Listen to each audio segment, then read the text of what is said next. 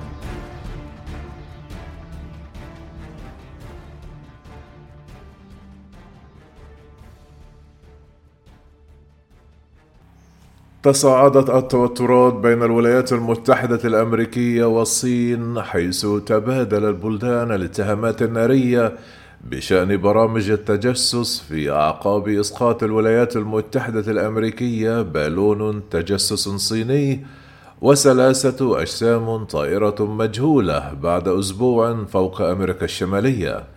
في إشارة إلى مدى مراقبة الولايات المتحدة الأمريكية عن كثب لبرنامج مراقبة البالون الذي يديره الجيش الصيني مؤخرا وقال المسؤولون الأمريكيون في مقابلات أنهم بدأوا في تعقب بالون التجسس أثناء انطلاقه من جزيرة هاينن في جنوب الصين في أواخر يناير المنصرم كما قال مسؤولون أنه عندما انجرف فوق جزر أوليشن بالقرب من ولاية ألاسكا وعبر كندا ثم مونتانا نبه القادة العسكريون الرئيس الأمريكي جو بايدن إلى أنه من شبه المؤكد أنها كانت من نفس النوع البالونات التي اكتشفتها الولايات المتحدة الأمريكية مرتين في هاواي وأنها رصدت فوقها ورصدت فوق ولاية تكساس وفلوريدا. حيث أسقطت طائرة مقاتلات أمريكية البالون قبالة سواحل ولاية كارولينا الجنوبية في الرابع من فبراير المنصرم. حين قال مسؤولون عسكريون أن أطقم الطائرات عثرت على حطام كبير من البالون بما في ذلك أجهزة استشعار ذات أولوية وقطع إلكترونية. والآن تتفاقم الأزمة الدبلوماسية حيث قال المتحدث باسم وزارة الخارجية الصينية وانغ وين بين يوم الاثنين في بكين إن الولايات المتحدة الأمريكية تدير أكبر شبكة تجسس في العالم وأنها أجرت مراقبة عالمية واسعة النطاق بما في ذلك الاستيلاء على الاتصالات الإلكترونية التي أخلت بخصوصية المواطنين عبر العالم. كما أقر المتحدث باسم الخارجية الصينية أن الولايات المتحدة الأمريكية أرسلت عشر بالونات بشكل غير قانوني إلى المجال الجوي الصيني منذ العام الماضي وهو اتهام أدى إلى نفي فوري وغاضب من البيت الأبيض. كما أصدرت أدريان واتسون المتحدثة باسم مجلس الأمن القومي بيانا جاء فيه أن أي ادعاء بأن الحكومة الأمريكية تشغل بالونات مراقبة فوق جمهورية الصين الشعبية غير صحيح في إشارة إلى جمهورية الصين الشعبية كما أشارت السيدة واتسون إلى برنامج منطاد التجسس الصيني وقالت إن بكين حتى يومنا هذا فشلت في تقديم أي تفسيرات موثوقة لاقتحام مجالنا الجوي ومجال الآخرين. يشير التبادل في الاتهامات إلى مدى سرعة تحول برامج التجسس بين البلدين إلى نقطة توتر متجددة في علاقة عالقة حيث سعى كل من بايدن والرئيس الصيني منذ اجتماع عقد في بالي بأندونيسيا في نوفمبر المنصرم لتحقيق الاستقرار في العلاقات لكن الغضب الذي أحدثه بالون التجسس أدى إلى تفجير تلك الجهود. تدير الولايات المتحدة برامج تجسس واسعة النطاق تستهدف الصين. كشف اصطدام طائرة تجسس إلكترونية أمريكية وطائرة مقاتلة صينية في عام 2001 والذي أدى إلى وفاة طيار صيني عن نطاق الجهد الأمريكي لجمع الاتصالات الإلكترونية. ورغم أن تلك الطائرة كانت قبالة سواحل الصين قامت وكالة الأمن القومي باختراق شبكات شركات الاتصالات الصينية الرائدة هواوي وتعقبت الجنود الصينيين أثناء قيامهم بنقل الأسلحة النووية. ولطالما فعلت الصين الشيء نفسه مع الولايات المتحدة حيث سرقت تصميمات مقاتلة الشبح إف 35 وملفات التصريح الأمني الخاصة ب 22 مليون أمريكي من قواعد بيانات مكتب إدارة شؤون الموظفين. ومع ذلك فإن الرسالة التي بعثتها واشنطن في الأسبوع الماضي مفادها أنه لا يمكن الاختراق مجال الجوي الأمريكي والحلفاء. وقال المتحدث باسم مجلس الأمن القومي أنه لم يكن على علم بأي برنامج أمريكي مماثل للغة الصينية. وإذا كان أي من الأجسام الطائرة الثلاثة قد دمرت في أمريكا الشمالية من الجمعة إلى الأحد فسيكون ذلك بمثابة استفزاز كبير في أعقاب حلقة البالونات الصينية. كما صرح السيد كيربي يوم الاثنين أن الرئيس الأمريكي جو بايدن أمر كبار مسؤولي الأمن القومي بمراجعة كيفية مراقبة الولايات المتحدة الأمريكية لأمن مجالها الجوي وما إذا كانت بحاجة إلى تغيرات. وقال أنه منذ حادثة بالون التجسس قام الجيش الأمريكي بتعديل الرادارات الخاصة به. قال العديد من المسؤولين أن أنظمة الاستشعار تلتقط الآن العديد من الإشارات التي يتم ترشيحها تلقائيا بشكل طبيعي بما في ذلك أسراب الطيور المهاجرة والطائرات الشراعية. ولكن لا تزال الوكالات الأمريكية تحقق في أصول عناصر الطائرة الغامضة التي أسقطتها الطائرات المقاتلة الأمريكية بين يومي الجمعة والأحد وذلك بأوامر من الرئيس الأمريكي ورئيس الوزراء الكندي جاستون ترودو وقال السيد كيربي أن جهود استعادة الحطام جارية في مواقع عدة في ألاسكا وإقليم يوكون في كندا والجانب الكندي من بحيرة هورون.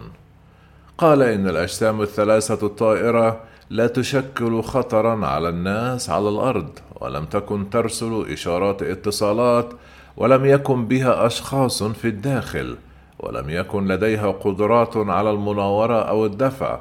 كما أضاف كيربي أنهم حلقوا على ارتفاعات تتراوح بين عشرون ألف وأربعون ألف قدم أي أقل بكثير من المنطاد التجسس الصيني وكانوا يشكلون خطرا محتملا على الحركة الجوية المدنية. قال إن الرياح دفعت الأشياء على ما يبدو حيث حملتها من الغرب إلى الشرق. وقال مسؤولون أمريكيون أن الجسم الذي أسقط فوق بحيرة هوروم بولاية ميتشيغان بعد دخوله للولاية كان له هيكل مثمن الأضلاع مع خيوط متدلية ولم يكن به أي حمولة مرئية. لقد حرصوا على عدم تسمية أي من هذه الأشياء الثلاثة. قالت إدارة بايدن في الأسبوع الماضي أن الصين أرسلت بالونات مراقبة لأكثر من أربعون دولة في خمس قارات منتهكة بذلك سيادة تلك الدول. طار منطاد صيني للمراقبة على ارتفاع عال بالقرب من منشآت عسكرية أمريكية حساسة في الشرق الأوسط في الخريف الماضي. لكنه ظل بعيدا عن الشاطئ لدرجة أن المسؤولين الأمريكيين لم يعتبروه تهديدا وقاموا فقط بمراقبته أثناء عبوره المنطقة وذلك وفقا لمسؤول أمريكي كبير الذي تحدث شريطة عدم الكشف عن هويته لمناقشة التفاصيل التشغيلية. نشأ المنطاد في الصين أو بالقرب منها وسافر غربا نحو الشرق الأوسط وهو الاتجاه المعاكس للرياح السائدة والمسار الذي سلكه بالون التجسس الذي تم إسقاطه فوق المحيط الأطلسي مما يشير إلى أن الآلة لها مصدر دفع خاص بها. قال المسؤولون أن العسكريين في آسيا تعقبوا المنطاد حتى تحرك غربا إلى المجال الجوي للشرق الأوسط حيث سلموا واجبات المراقبة إلى زملائهم العسكريين هناك. وبدأ أن قائد القوات الجوية الأمريكية في الشرق الأوسط اللوفتنانت جنرال إليكسوس أشار إلى أن الحادث في اجتماع مع الصحفيين يوم الاثنين مستشهدا بمقابلة في منطقته في الخريف الماضي. تضمنت منطادا على ارتفاعات عالية كما رفض الإدلاء بتفاصيل مستشهدا بالطبيعة الحساسة للحادث. قال الجنرال لم تصل ابدا إلى النقطة التي كانت مصدر قلق كبير بما فيه الكفاية. لقد قاموا بمراقبتها على التو. قالت الصين أن البالون الذي أسقطته الولايات المتحدة ورصد واحد منها فوق أمريكا اللاتينية في الأسبوع المنصرم والذي قال البنتاجون أنه كان أيضا بغرض التجسس. كانت آلات مدنية تستخدم لأبحاث الطقس أو لأغراض اختبار الطيران. قال المتحدث باسم وزارة الخارجية الصينية أنه من الشائع أن تدخل البالونات الأمريكية المجال الجوي لدول أخرى بشكل غير قانوني، وأن بالونات الولايات المتحدة على ارتفاعات عالية حلقت بشيء غير قانوني فوق المجال الجوي الصيني أكثر من عشر مرات منذ العام الماضي. لدى الصين تعريف واسع لحدودها فهي تقدم مطالبات موسعة على الأراضي المتنازع عليها بما في ذلك حول جزيرة تايوان وبحر الصين الجنوبي وبحر الصين الشرقي وجبال الهيمالايا. ولم يكن من الواضح بالضبط إلى أي مجال جوي يشير السيد وانغ. يأتي الجزء الأكبر من الاستخبارات الأمريكية الأكثر أهمية من شبكتها من أقمار التجسس الصناعية المتطورة وهو جهد قوي لاعتراض الاتصالات الكترونيا فضلا عن المعلومات من المصادر البشرية. في حين تم تدمير شبكة تجسس صينية تابعة لوكالة المخابرات المركزية منذ أكثر من عقد من قبل المخابرات الصينية وكانت الولايات المتحدة تحاول إعادة بنائها. تتجنب الولايات المتحدة بشكل عام إرسال أجهزة استطلاع إلى المجال الجوي لسيادة دول أخرى وخاصة دول مثل الصين ذات القدرات الدفاعية الجوية المتطورة. قد يؤدي إرسال مركبة يمكن اعتراضها بسهولة إلى التخلي عن إمكانيات المهمة. ويعد جمع المعلومات من الجو جزءا صغيرا نسبيا من عمليات جمع المعلومات الاستخباراتية الأمريكية. ففي الغالب تحلق طائرات استطلاع أمريكية في المجال الجوي الدولي خارج المياه الإقليمية للدول الأخرى. بينما تدرس الولايات المتحدة تطوير طائره مراقبة على ارتفاعات عالية لبعض مهام مكافحة الإرهاب أو المخدرات حيث صرح مسؤولون أن هذه الأساليب لن تفيد كثيرا في التجسس على روسيا أو الصين لأن هذه الدول ستكتشفها وتدمرها بسرعة وذلك وفقا لمسؤولين سابقين.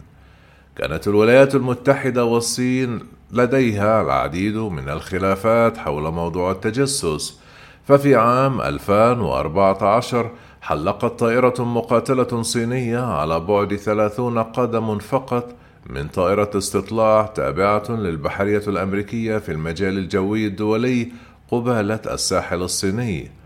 قال كيربي المتحدث باسم المنتجون في ذلك الوقت للصحفيين أن الاقتراب كان قريبا جدا جدا وخطير للغاية.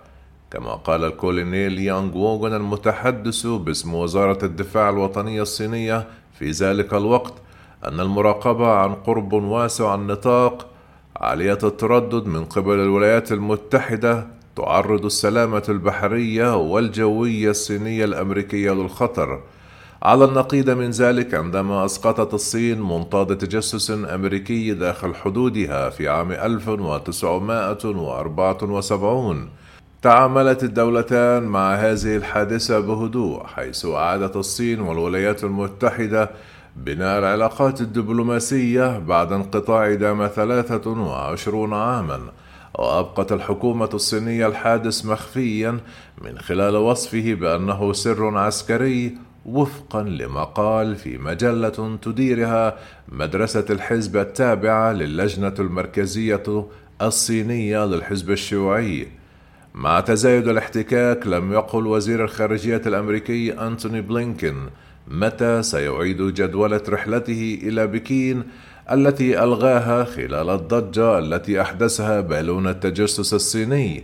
ومن المتوقع أن يحضر وانغ بي كبير مسؤولي السياسة الخارجية في الصين مؤتمر ميونخ الأمني السنوي في ألمانيا والذي يبدأ يوم الجمعة. لكن نيد براينس المتحدث باسم وزارة الخارجية قال يوم الاثنين أنه لا يوجد اجتماع على الدفاتر.